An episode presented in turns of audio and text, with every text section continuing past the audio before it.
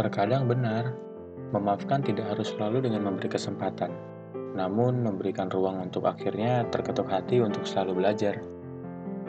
Apabila terlambat, memang lebih baik daripada tidak sama sekali, tapi kelak kamu akan menyadari, jika keterlambatan pun akan mampu mengubah banyak keadaan dan banyak arti. Untuk kamu yang nyatanya hanya ingin ditemani, tapi tidak pernah ingin aku lengkapi, mungkin ini waktunya aku memaafkan diriku sendiri dan memaafkan keterlambatanmu menyadari keadaan yang sudah mengubah banyak arti. Kadang gundah ketika harus tegas memilih, bertahan atau pergi, untuk seinsan hati yang nyatanya masih sulit untuk menghargai. Ada kalanya patah akan membawamu ke sebuah tempat singgah. Jika memang tepat pada waktunya, dengan segala proses sulit kamu melaluinya, semua aku yakin akan berubah menjadi rumah. Aku yakin siapa pun dari aku dan kamu yang pernah berada dan menemui titik terendah, hingga rasanya sepenuhnya kamu berpikiran jika apa pun akan kamu lakukan dan usahanya akan berujung pada hasil yang sudah kamu tahu, yaitu kekalahan. Kita bertemu dengan luka yang berbeda, namun kepercayaanku, kita hadir untuk saling meredakan dan menyembuhkan luka. Bertemu dengan luka yang berbeda dan bertujuan untuk menyembuhkannya bersama. Tapi kita lalai jika nantinya luka yang sembuh hanya akan menjadi alasan baru untuk kemudian pergi meninggalkanku, atau mungkin sebaliknya. Kadang orang terlalu menikmati alasan menjalin hubungan di atas banyak keyakinan berbeda hingga lupa yang kalian jaga bukanlah perbedaannya, namun kesamaan visinya. Tapi bagaimana? Sehebat apa pun kalian menjalin di atas banyak perbedaan dengan visi yang sama, akan berakhir juga jika salah satunya mengubah artinya.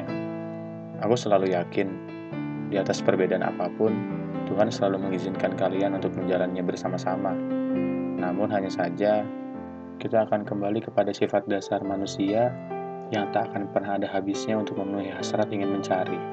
Dari hal baru yang dirasa bisa dilengkapi dari apa yang belum dimiliki saat ini, aku tidak tertarik menyampaikan isyarat rasa sakit yang diberikanmu hingga aku merasa begitu sulit untuk kembali bangkit. Aku tertarik dengan cara Tuhan mengenyampingkanmu dari bodohnya sifatku. Terkadang benar, cinta membutakan, membodohi dan menyakiti. Tapi aku yakin, di sisi lainnya cinta akan menguatkan. Banyak manusia-manusia hebat dalam karirnya, hebat dalam dunianya, tapi aku percaya akan tiba masanya di mana cinta akan melemahkannya. Dan satu hal yang aku selalu percaya, dari mana pun Tuhanmu dan Tuhanku, apa pun yang orang bilang sebutan yang berbeda, cinta menguatkan orang yang lemah memeluk harapan-harapan di sela-sela gundah, dan mengangkat cita-cita yang mungkin sudah lama terpendam. Aku kehilangan dia, dan Tuhan tidak berjanji menggantikannya.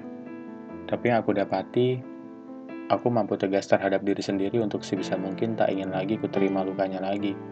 Tuhan tidak butuh waktu lama memberikanmu obat.